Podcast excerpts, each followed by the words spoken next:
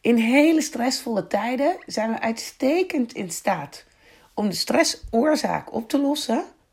Maar vergeten we maar al te vaak om de stress daadwerkelijk uit, onze uit ons lijf te krijgen.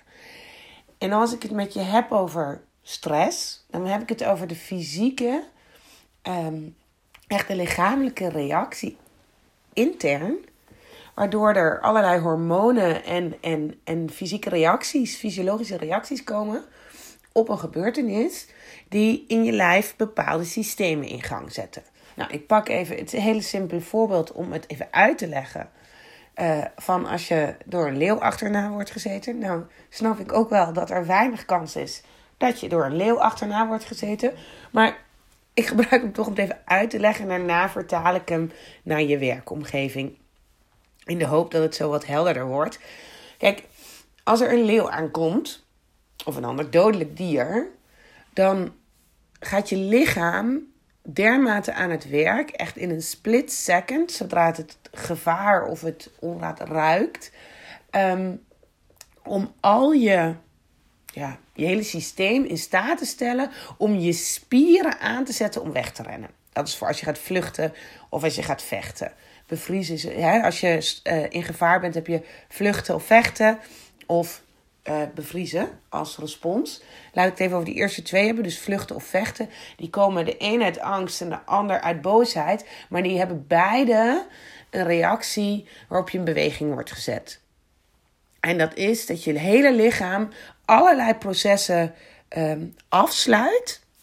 Geen bloed naartoe pompt, geen zuurstof naartoe pompt. Omdat alles in je spieren en je hart wordt gezet, zodat je kunt gaan. Zodat je kunt rennen. Jij rent heel hard. Je bent sneller dan de leeuw, laten we dat even voorstellen. En um, um, uh, samen met het dorp waar je aanbelandt, doden jullie de leeuw of vangen jullie de leeuw. Hoera, stress opgelost. En je lichaam voelt weer dat je veilig bent. Nou, pak ik even het voorbeeld dat jij aan het rennen bent en dat die leeuw onderweg in een kuil valt. Of uh, aangevallen wordt door een, uh, nou is er nog een groter roofdier dat dan, de, uh, dat dan de leeuw aanvalt. In ieder geval wordt de leeuw onderweg naar jou um, onverhoopt aangevallen door iets anders, waardoor die jou niet meer aanvalt. Dat betekent dat de stressoorzaak, namelijk de leeuw, wegvalt. Maar jij, op het moment dat je dat ziet en je omdraait, hebt alle stressreactie nog in je lijf, omdat je lichaam nog geen reactie of geen signaal heeft gekregen dat je weer veilig bent. En dus blijft de stress in je lijf. En dit is wat ik heel vaak als voorbeeld gebruik uh, in presentaties: dat mensen um, stress niet kunnen zien, want het bouwt onzichtbaar in je lichaam op. En dat zijn die fysiologische stressreacties, die hormonen. Dat bouwt op zonder dat je het ziet totdat het te laat is. En er daadwerkelijk echte fysieke klachten aankomen. Nou ga ik het even vertalen, want jij denkt nog steeds, ja, ik, ik kom nooit een leeuw tegen, dus dat probleem heb ik niet.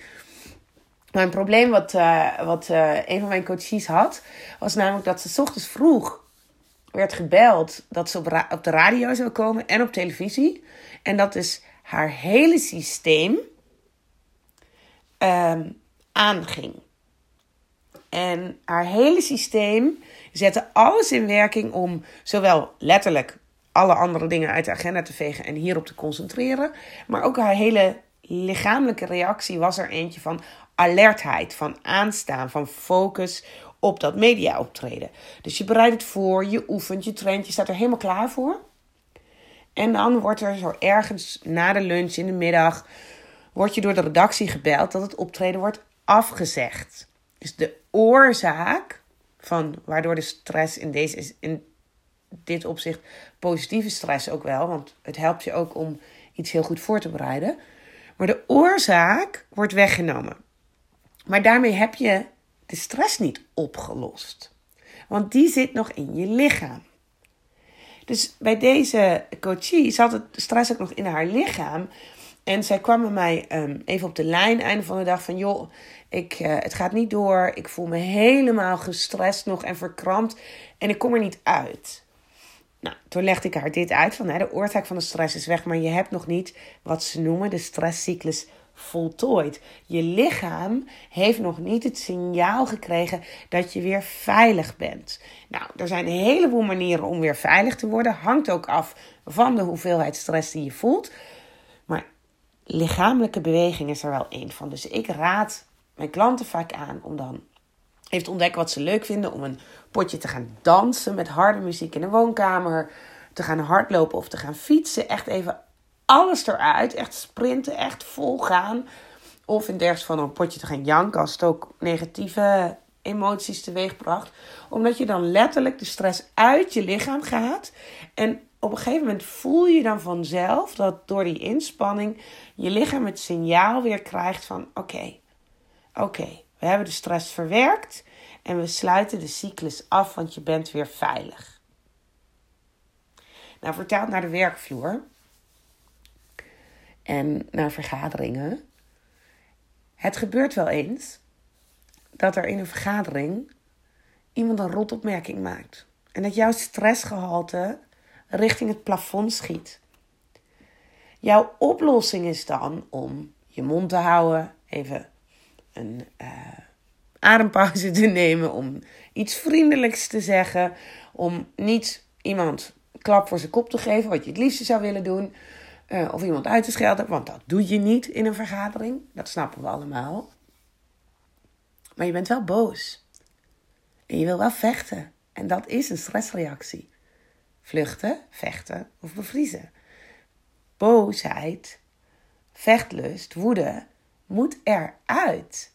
Dus ook al heb je de oorzaak opgelost en um, heb je misschien um, heel netjes gedaan en het netjes afgehandeld, je bent nog wel boos. En die stressreactie mag nog uit je lichaam. Dus jij mag nog zoeken naar: oké jongens, ik ga even rondje hardlopen.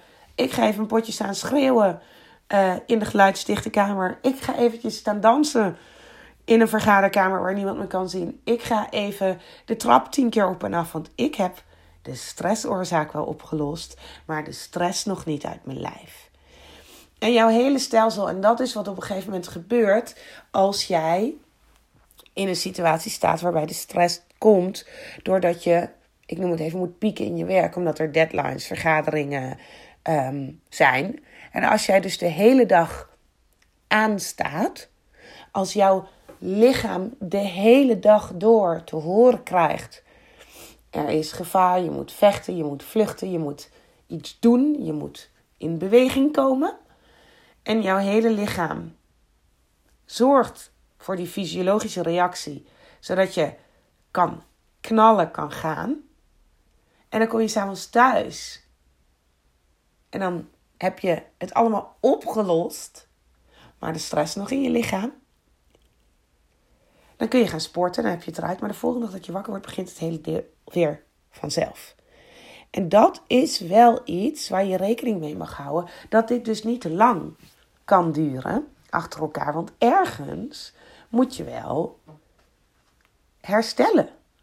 Je moet die stress altijd uit je lichaam kunnen krijgen. Um, dat is eigenlijk wat ik. Ja, ik wil nog veel meer zeggen, want er zijn nog heel veel manieren om jezelf uit die stresscyclus te halen.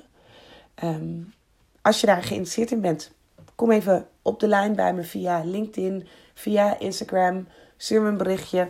Um, dan kan ik je kijken op wat voor manier jij kan afrekenen met de stressfactor. Maar hou dus ik denk dat als er iets is wat ik, je, wat ik hoop dat je onthoudt, is dat als je een stressvolle situatie hebt opgelost, dat de stress nog in je lichaam zit en dat je op zoek mag naar een manier die bij jou past om die stress uit je lichaam te krijgen. Want dan voltooi je de stresscyclus.